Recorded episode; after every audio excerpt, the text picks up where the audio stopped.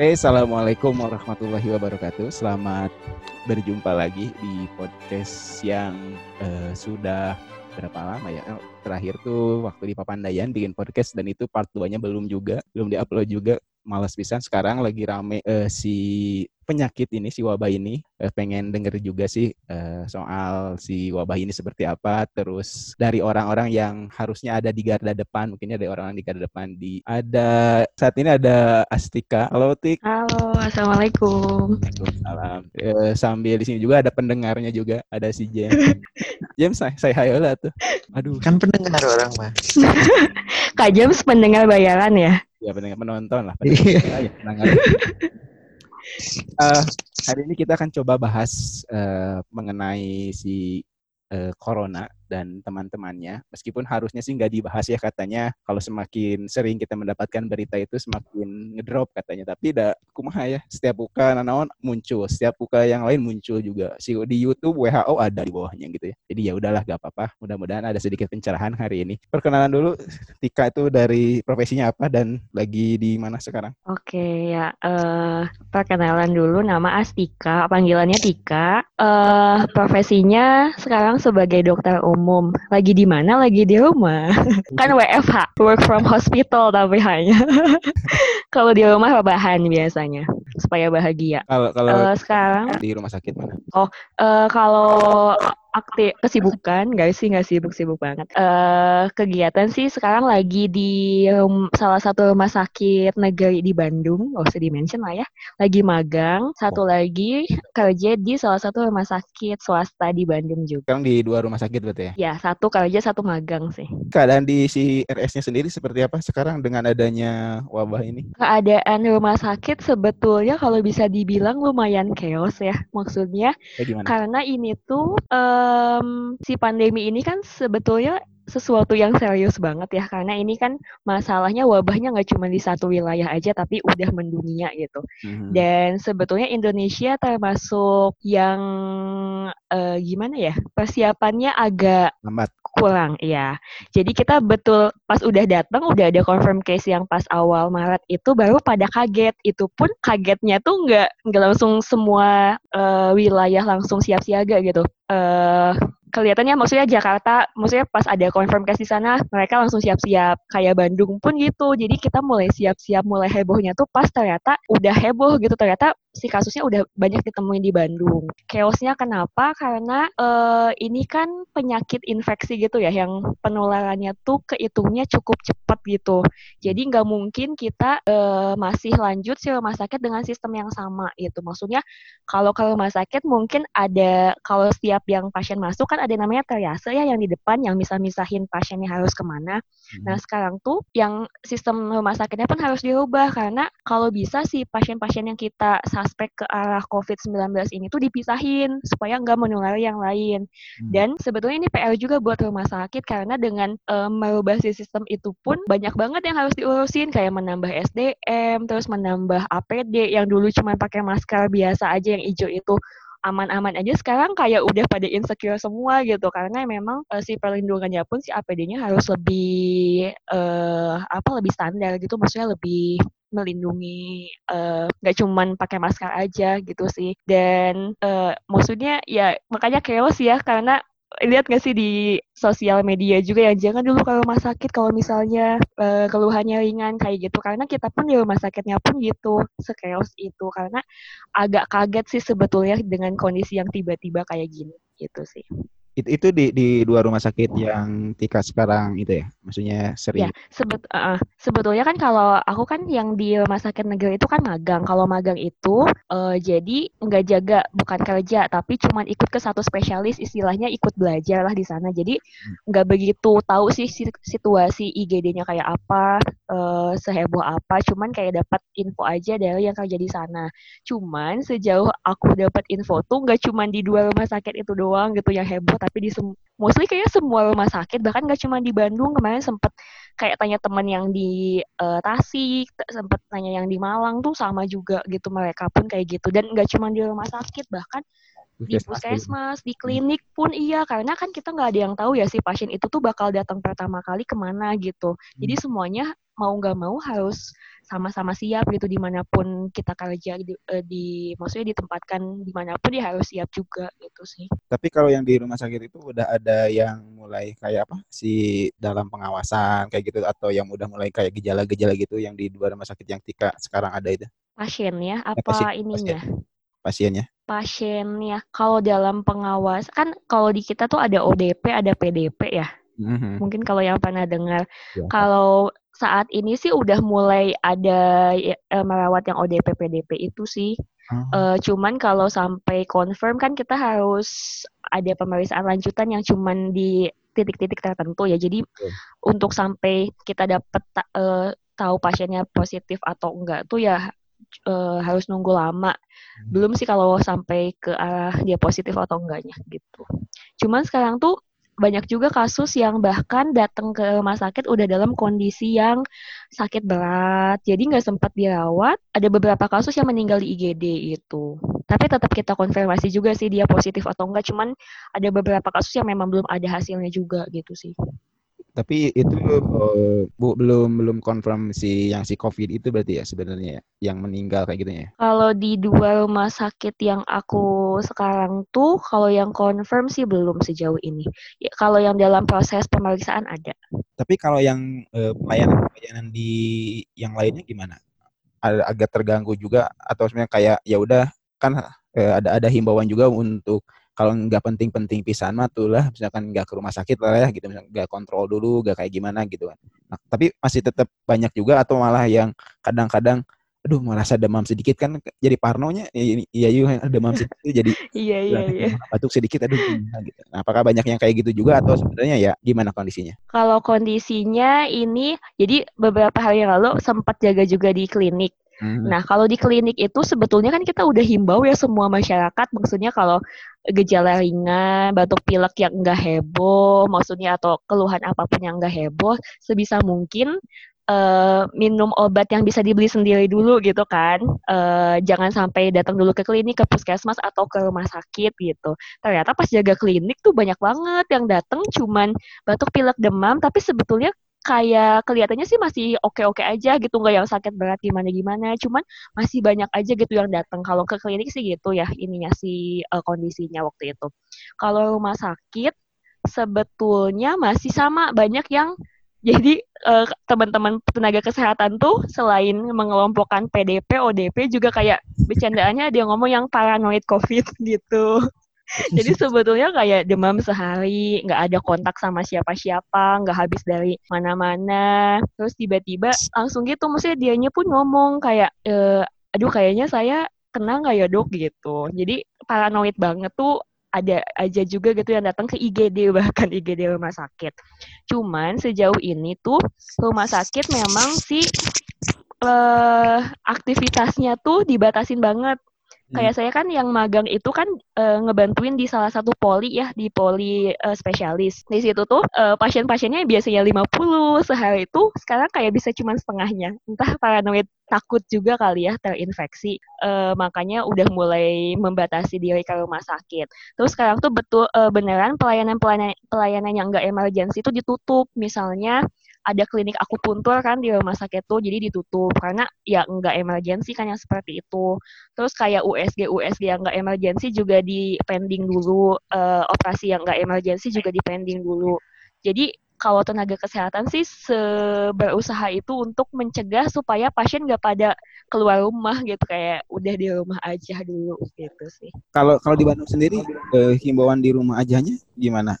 Kan Tika berarti kan sebenarnya Tika nggak nggak di rumah aja kan harus Iya, uh, aku nggak di rumah aja. harus keluar gitu. Iya. Ngelihat si kondisi di jalan atau orang-orangnya masih banyak yang di rumah aja atau ya kayak cuek-cuek PBK gimana? Sebenarnya ya kalau harapan sih ini kan sebetulnya kita tuh nggak lockdown ya. Ini kan uh, istilahnya kita menghimbau social distancing. Jadi ujung-ujungnya kita nggak bisa uh, Indonesia nggak bisa kayak ngasih punishment gitu kan buat yang ngelanggar. Jadinya beneran dibalikin lagi ke kesadaran masing-masing. Tapi harapannya kan beneran yang keluar rumah tuh yang beneran nggak ada pilihan lain gitu kan. Maksudnya buat kerja uh, yang yang urgent banget atau misalnya buat beli kebutuhan gitu-gitu kan. Uh, sejauh ini sih kalau pergi ke rumah sakit jalanan memang sangat lenggang ya.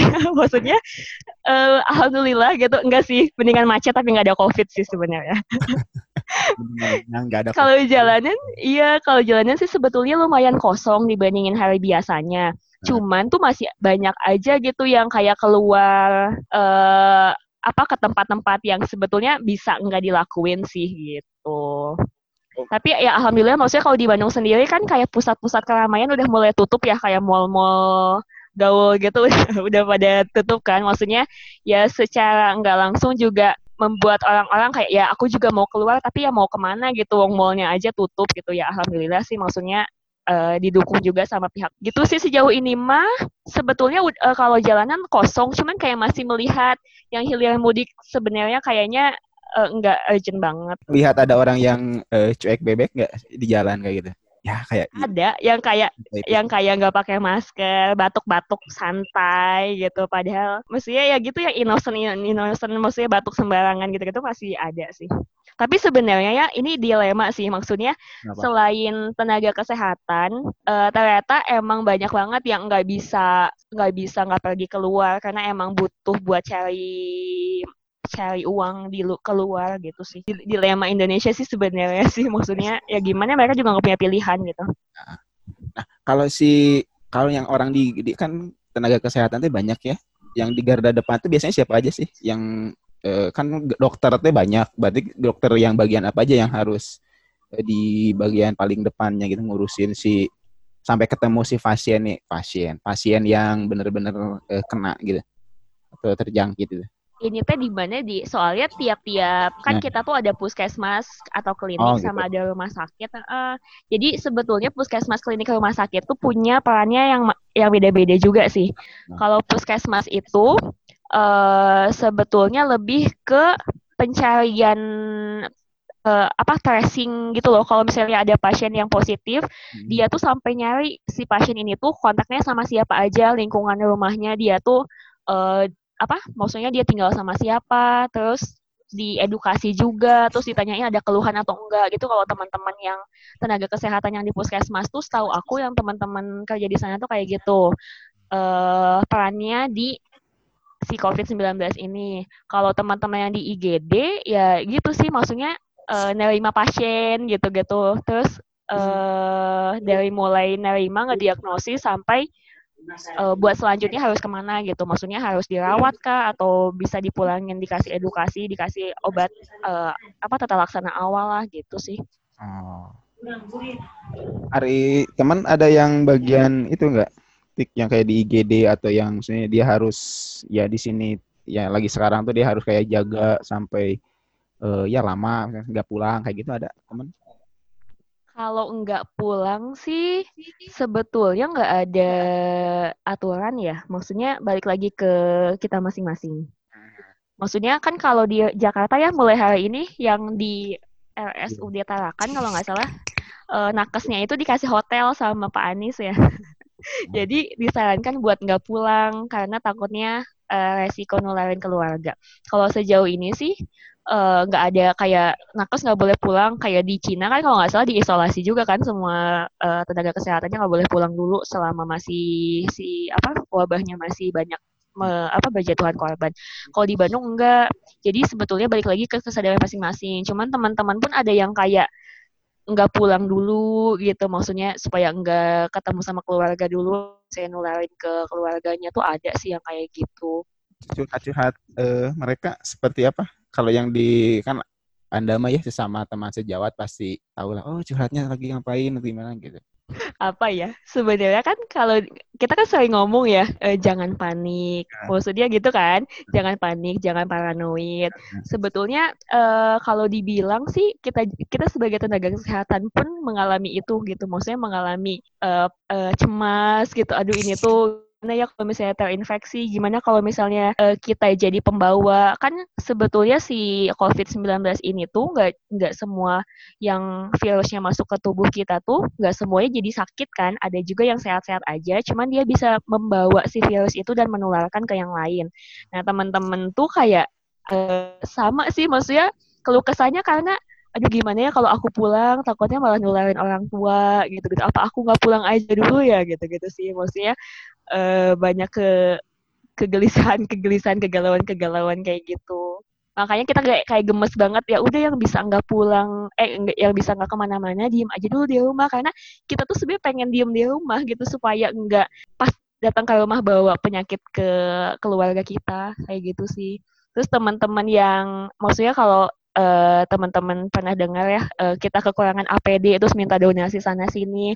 Sebetulnya emang di lapangan pun gitu karena uh, untuk menangani si COVID-19 ini kan yang tadi aku bilang ya nggak cuma nggak cuma cukup pakai masker doang, kita butuh APD yang lebih lengkap hmm. dan uh, maksudnya pengadaan di rumah sakit pun nggak uh, semudah itu dan kita tuh butuhnya dalam jumlah yang banyak itu satu kali shift satu kali jaga tuh udah berapa orang kan yang butuh APD ini kali berapa shift kali berapa bulan mungkin?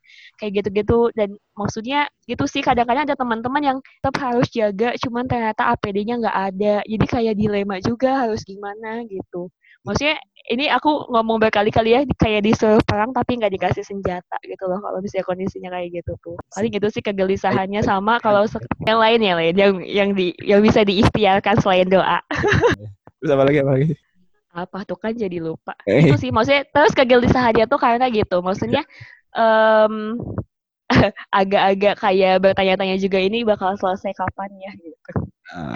ya semoga maksudnya yang lain-lain semakin uh, apa sih saling mendukung juga dan saling bisa ngejalanin peran maksimalnya masing-masing gitu. Nggak cuma tenaga kesehatan tapi juga yang di rumah aja juga pun gitu. Si si si APD-nya itu uh, emang harusnya digantinya per berapa kali uh, ada waktunya nggak sih? Atau sebenarnya bisa karena kata kalau kalau nggak salah harus harus dibuang kayak gitu. Kenapa? Mm. tadi kayak bukan refill sebenarnya kayak dicuci atau dipakai lagi itu eh, nggak uh, bisa ya kayak gitu ya? Ada sih ada beberapa jadi kalau buat si APD itu ada beberapa APD yang emang bisa dipakai beberapa kali. Ada yang uh, disposable jadi beneran sekali pakai doang kayak misalnya masker gitu masker yang uh, surgical yang hijau tuh sekali pakai. Kalau N95 tuh bisa beberapa kali pakai gitu. Jadi bisa digantung nanti bisa berapa kali pakai. Terus si baju-baju astronot yang putih itu pun setahu aku tuh ada yang disposable sama ada yang bisa di, di desinfektan juga hmm. gitu. Tapi kayak kayak sarung tangan masker terus kayak penutup kepala kayak gitu-gitu. Kan itu sebenarnya disposable ya. Uh, N95 pun kayak cuman yang si masker N95 pun kayak nggak bisa dipakai terus-terusan ya. Paling 3-5 hari gitu bisa dipakainya. Kayak oh. gitu. Jadi emang butuh uh, dananya lumayan juga sih.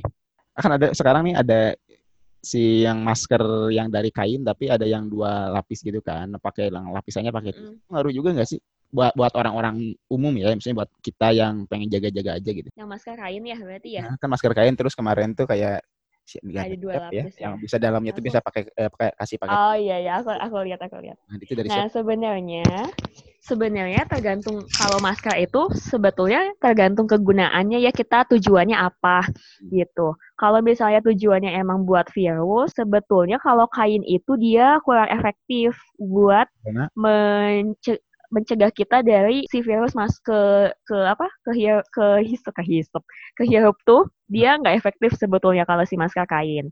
Cuman kalau dalam kondisi kayak sekarang kan hmm. uh, maksudnya kita tetap harus nentuin prioritas ya. Maksudnya siapa yang lebih beresiko, siapa yang lebih butuh gitu kan. Hmm. Kalau misalnya dilihat siapa yang lebih butuh ya lebih butuh teman-teman yang uh, high risk hmm. terhadap infeksi yaitu teman-teman tenaga kesehatan gitu. Jadi sebetulnya uh, kalau dibilang ada manfaatnya enggak sih ada ya. Tapi kalau misalnya buat menangkal virus tuh sebenarnya memang kurang efektif. Tapi dibandingin nggak pakai masker sama sekali ya si uh, si masker kain itu tetap ada manfaatnya sih gitu. Cuma kalau sekarang memang harus nentuin prioritas siapa yang lebih butuh makanya kayak ya semoga nggak pada egois cuma mikirin diri masing-masing. Harga masker N95 berapa sih normalnya? Atau si APD itu satu. Nah sebetulnya aku terakhir kali beli itu udah lama banget kayak berapa tahun yang lalu. Itu masih tiga puluh ribuan deh kalau nggak salah. Yang si masker N95 itu si N95 satu bijinya. Sekarang tuh udah delapan puluhan kalau nggak salah satu bijinya. Kalau kita uh, si dokter nih pakai baju APD lengkap dengan sebagai-bagainya gitu ya dari dari atas sampai bawah plus apa pun itu hmm? itu kalau normalnya itu berapa? Si outfit? Harganya harga outfit. outfit outfit APD lengkap. Eh sebetulnya tiap bahan tuh juga beda-beda. Eh, kasih baju astronot tuh kan bahannya juga macam-macam ya. Eh, kemarin itu ada teman aku yang bagian tim COVID di salah satu rumah sakit. Dia cerita juga katanya satu ka- satu kali jaga itu ya maksudnya eh, head to toe gitu ya outfit lengkap itu tuh sekitar 500 katanya sekali 500 ribu. Eh, eh, kali berapa orang yang jaga kali berapa hari gitu tuh bisa sampai jutaan cuman untuk nanganin satu pasien doang gitu jadi head to toe-nya kayak sekitar 500 ribuan katanya sih untuk si baju astronot dan lain-lainnya itu tuh Tapi kalau normal harganya berapa? Berarti kurang dari itu dong. Harus harusnya ya normal harganya dulu tuh ya. Si kalau dulu-dulu ya kita kayak nggak pernah pakai hazmat yang si baju astronot deh oh gitu. Kalau biasanya kalau dulu tuh pakai baju itu kalau di rumah sakit. sebetulnya baju itu tuh untuk mencegah dari penularan eh, infeksi yang sifatnya airborne. Maksudnya airborne tuh yang lebih be kan kalau si COVID ini droplets ya. Maksudnya dari percikan percikan kita ngomong, kita batuk gitu kan yang cuma 1 sampai 2 meter itu. Kalau si airborne itu kan dia lebih jauh gitu menjangkaunya bisa bermeter-meter. Nah, kita sebetulnya butuh si baju itu tuh pada saat kita nanganin kondisi infeksi yang disebabkan sama eh, air- apa virus airborne itu gitu. Jadi sebetulnya kalau misalnya kayak nanganin pasien-pasien difteri gitu kan sama-sama droplets juga ya nggak nggak pakai baju gitu juga. Jadi jarang banget sih. Sejauh aku jadi dokter sih kayak belum pernah ya pakai sampai pakai baju astronot gitu. Gitu. Terus ini eh btw takutnya ada yang eh, ngedengar terus kayak oh berarti di covid airborne? Enggak sih maksudnya dia itu tetap droplet. Cuman kalau settingnya di rumah sakit kan kalau di rumah sakit kita ada tindakan medis kayak misalnya uap, nebu, terus pemakaian oksigen, Ibu itu apa? nebu teh diuap diuap. Kalau orang asma diuap. Nah gitu. Nah si tindakan-tindakan kayak gitu tuh eh, butuh kita proteksi buat mencegahnya lebih ini lagi karena si droplets itu bakal pecah jadinya lebih partikelnya lebih kecil dan bisa menyebar lebih luas. Makanya kalau di rumah sakit kita butuhnya di tempat yang isolasi ya, kita butuhnya proteksinya yang si baju astronot itu. Tapi kalau misalnya kayak daily activity mah eh, dia droplets doang sih si COVID-19 ini dia nggak airborne gitu. Sejauh ini sih kata WHO-nya gitu. Kalau kalau yang di kan sebenarnya yang garda depan itu selain dokter berarti apa aja? Perawat, terus apa lagi sih? Banyak sih sebenarnya ya kalau di IG, kalau di rumah sakit nih misalnya dari depan tuh kan ada sekur, eh, Bapak Satpam juga ya, Nah, security, nah. terus ada bagian administrasi, Betul. terus ada bagian eh, di dalamnya ya ada dokter, ada perawat, ada yang bagian lab, Hmm. terus ada bagian radiologi, radiografernya juga yang bagian ronsen dan lain-lain. Sebetulnya banyak sih. Jadi kalau misalnya ada pasien pun yang dikasih APD nggak cuma dokter sama perawatnya doang, tapi yang komponen-komponen rumah sakit lainnya pun yang bakalan kontak sama pasien juga butuh APD itu gitu. Makanya banyak sih kebutuhannya. James, ada yang mau ditanyain nggak? Gimana kalau di Sukabumi eh, saat ini orang-orangnya dengan adanya COVID-COVID ini masih nyantai atau kumaha atau cuek-cuek atau ya udah mulai panik juga? Masih sama sih kayak kalau di sini tuh kayak masih santai-santai aja gitu. Kayak cuek-cuek cuek-cuek gitu kayak Terus sa- sarwajang diulang. ini ada suara nggak sih? Ada, ada, ada suaranya ada. Iya, jadi kayak ada eh, sieun sieun mah ku ku ieu cenah. Ku Covid mah kudu sieun cenah. Padahal kan di satu sisi kita juga harus ikhtiar kan maksudnya ada hakikat ada ada syariatnya gitu. Tapi tapi masih masih tetap eh, kayak yang biasa-biasa gitu ya. Iya masih biasa-biasa aja sih. Kalau tapi kalau misalkan di daerah kotanya mah ya sama aja sih kayak masih nggak ada perubahan ya segitu-gitu doang. Hmm. Masih ramai kak di sana. Tapi udah udah sepi sih kayak udah rame tapi nggak terlalu sepi ke mana. Gimana gimana gimana? ya maksudnya seramai pun Sukabumi nggak seramai di Bandung kan maksudnya nggak orang nggak bisa ini. Tapi ada ada perbedaan nggak sebelum dan setelah ada COVID? ada ada ada ada. Nah, nah ini Terus kemarin tuh kan di Sukabumi tuh ada ini ya ada pas baru ada himbauan buat apa? Buat di rumah aja. Mhm. itu tuh ada ada bioskop baru baru buka. Hmm. Nah terus si Ternate kan si anak-anak pada yang sekolah pada ribut ya, Hmm. pada Rame ribut, di bioskopnya ya. Heeh, rame. terus kena satpol pp dibubarin. Oh iya serius. Terus- Iya terus anehnya teh nggak nggak nggak ditutup nggak tahu kalau sekarang udah ditutup nggak tahu nggak tahu belum Hmm. soalnya kemarin teh baru baru aja buka gitu pasti ada himbauan buat di rumah aja Sebenarnya kayaknya masyarakat tuh merasa ininya ada dan tiada gak sih si COVID tuh? Nggak tahu ya. iya Iya gak sih kak? Enggak sih. Kayaknya tuh gitu ya mungkin. Sebenarnya mereka eh, mereka tahu tapi eh, informasi yang kita dapat karena karena kita banyaknya di kayak di IG sama sosmed sama internet jadi hype-nya itu banyaknya di sana gitu. Kita nggak menjangkau eh, ke orang-orang yang punten-punten ya yang kayak di pedesaan, di kampung kayak kayak dia kayaknya mungkin ya mereka taunya cuma dari berita. Tapi eh, ajakan-ajakan yang sering update-nya kan sebenarnya nggak dari berita, dari sosmed ya banyak lebih banyak ya kan mereka nggak menjangkau itu. Jadi paniknya mungkin hanya sebagian di kita aja. Kadang-kadang orang itu yang ngerasa panik, eh kumaha gitu. Tapi pas itu mah ya biasa-biasa we yang lainnya gitu. Kayaknya gitu sih. Bener nggak James? Kalau di Sukabumi kayak gitu nggak? Orang-orangnya pada pada melek-melek teknologi nggak? Ya yang melek-melek yang enggak enggak Kalau yang melek, yang rada meleknya biasanya lebih jadi kayak eh, deg-degan gitu. Maksudnya lebih lebih hati-hati lah. Iya. Termasuk kan ya yoga sedikit-sedikit cuci tangan, cuci tangan gitu ya. Kalau cuci tangan terus bahaya nggak tik? oh jadi jadi kasar. ya udahlah ya. mendingan kasar, mendingan sakit. Soalnya mes-mes ke bawah cuci tangan, cuci tangan jadi kayak tangan tuh kotor terus gitu gitu mah. Tapi sebenarnya aku pun gitu loh, maksudnya pas awal-awal kan kayak ini tuh nyata nggak sih corona gitu. Maksudnya eh, kayak nggak nyangka aja gitu bakalan pernah mengalami hidup di era pandemik gitu yang seserius ini. Jadi kadang-kadang tuh suka denial, ini beneran nggak sih COVID? Terus tiba-tiba bangun tidur, eh COVID masih ada ya? Kirain mimpi gitu. Sama sih sampai ada denial gitu. Tapi kalau misalnya dengar kayak cerita teman-teman yang eh ada yang sampai positif atau misalnya ngedengar ada sejawat maksudnya dokter yang ternyata meninggal Mhm. karena covid tuh kayak oh iya ya maksudnya seserius itu ternyata gitu. Ini mal- ma- malah parno. sebelum si kan si COVID ini tuh pembaharuan dari yang sebelumnya si apa sih flu burung kayak gitu kan ya? Benar nggak sih? si ininya Iya virusnya. hampir mirip kayak mirip kayak gitu kan benar nggak? Eh, dia miripnya sama virus SARS sebetulnya. Kalau SARS Tahun 2002 ya kalau nggak salah dia tuh.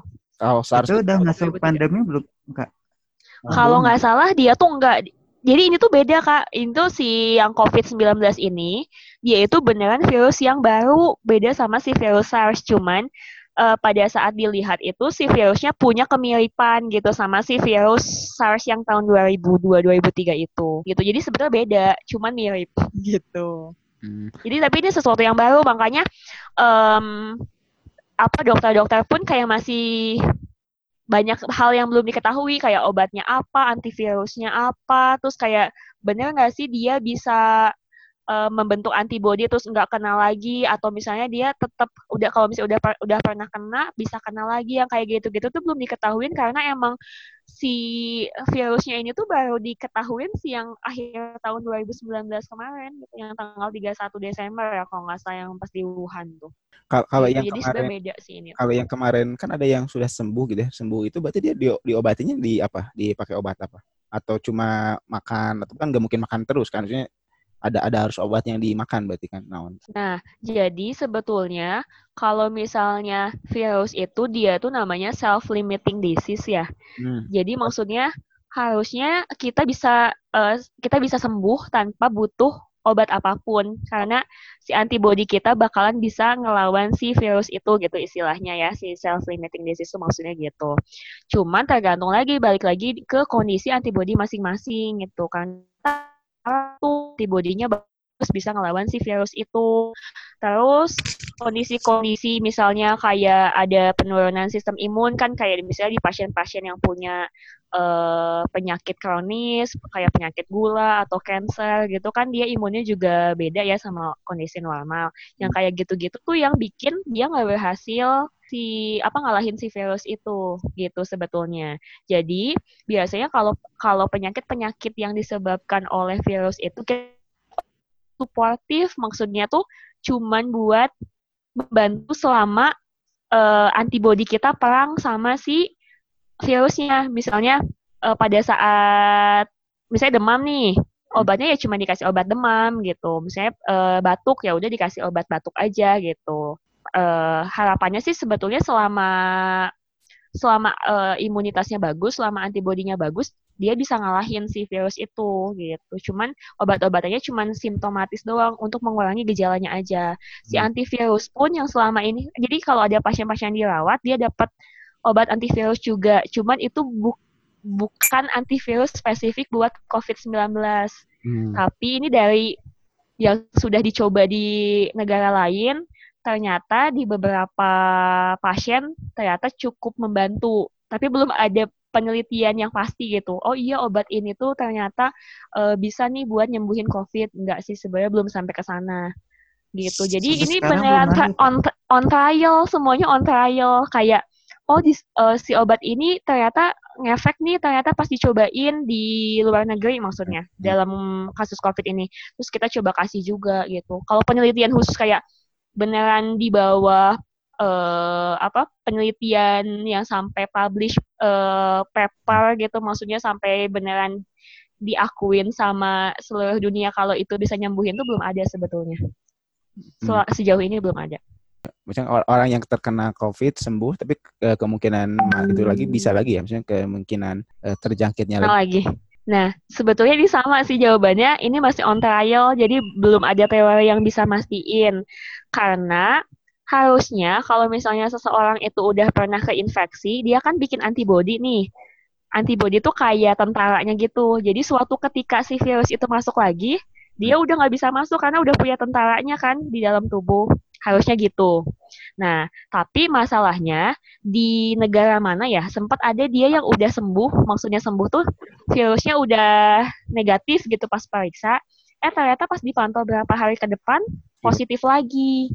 Entah itu tuh yang di dalam tubuhnya ternyata masih ada atau memang dia terinfeksi lagi virus yang beda, maksudnya masuk lagi gitu yang ada di luar gitu sih. Itu masih belum tahu juga. Jadi kayak masih banyak pertanyaan kalau kalau yang si uh, kan ini si virus ini mirip sama SARS gitu kan ya. Berarti si SARS itu sebenarnya hmm, ada obatnya. Karakteristiknya. Nah, karakteristiknya itu. Sama sih. Sebenarnya antivirusnya juga kayak nggak ada obatnya gitu. Eh maksudnya nggak ada yang spesifik buat Oh, itu. jadi buat SARS itu belum ada spesifik kayak harus tangannya pakai obat apa kayak gitunya belum ada juga ya atau enggak? Setahu aku juga enggak. Jadi ini tuh kalau sekarang itu kita ada pokoknya ada antivirus uh, yang dipakai buat pasien-pasien COVID ini antivirusnya buat flu burung setahu aku tuh. Ada si obat yang sekarang dipakai tuh. Gitu. Hmm. Itu pun belum terbukti sih seefektif apa buat COVID-19 gitu. Ada lagi, James? Apalagi apalagi chloroquine ya, jangan dibeli sembarangan. Itu apa? eh enggak ngedengar ya di Enggak, enggak, enggak tahu apa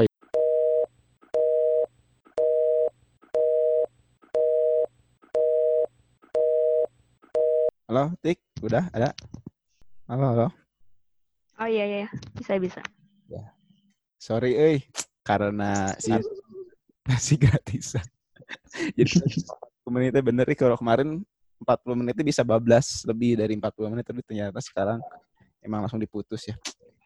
Jadi tadi itu apa sih? Ada ada batasnya ya? Ada lah. Emang kamu belum pernah sebagai Ya, aku belum pernah recording nggak nggak recording juga sih emang kalau yang basic itu cuma yang yang, yang ya. Kayaknya kemarin aku sejam lebih ya. nyobain Zoom bisa. Itu baru pertama kali. Enggak, kedua. Iya, kedua masih bisa. Oh, iya. Yeah. Enggak coba tiga. Tadi itu sampai mana sih? Del. Sampai mana ya? Aku juga lupa. Ya udah deh.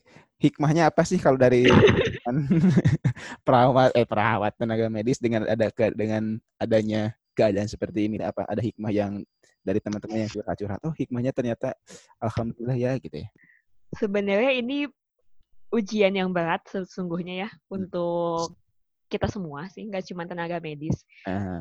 terutama tenaga medis karena kayak merasa mau perang aja gitu setiap mau berangkat jaga hmm. maksudnya emang tiap orang kan emang punya uh, saatnya masing-masing ya untuk uh, kayak istilahnya punya medan-medan juangnya masing-masing ya.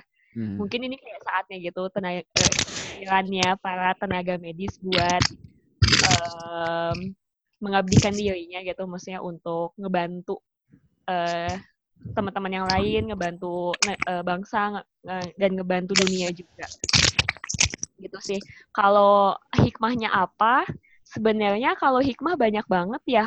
Hmm. Maksudnya tuh kita dengan segala ilmu yang udah kita pelajarin, ini tuh karena ada si COVID ini tuh kayak sering banget ada seminar update ilmu gitu dari spesialis-spesialis kayak secara online gitu kayak lewat Zoom, lewat webinar gitu-gitu tuh banyak banget. Terus kalau dilihat ya kayak spesialis atau subspesialis yang udah uh, sekolah tinggi banget ternyata dikasih sama Allah nih ada yang baru nih gitu. Maksudnya ada virus yang baru tetap aja gitu juga kita tuh nggak tahu apa-apa sebenarnya.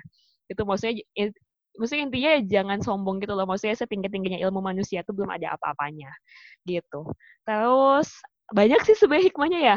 Terus kalau semenjak kuliah tuh dibilangin ya maksudnya ya semua profesi sih terutama uh, tenaga kesehatan tuh kita tuh harus jadi lifelong learner banget harus update ilmu banget dan ternyata kealamin banget di si COVID-19 ini.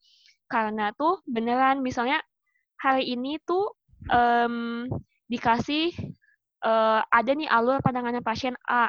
Ternyata belum juga seminggu udah ada revisinya lagi. Jadi kayak nggak bisa tuh kita nggak belajar gitu nggak bisa tuh nggak bisa nggak update ilmu merasa cukup dengan yang kita punya sekarang tuh nggak bisa. Jadi beneran banget tuh dikasih uh, contoh banget ini nih beneran saatnya setiap tenaga kesehatan tuh harus jadi love line, uh, love tuh kan long life learner banget gitu maksudnya harus belajar terus.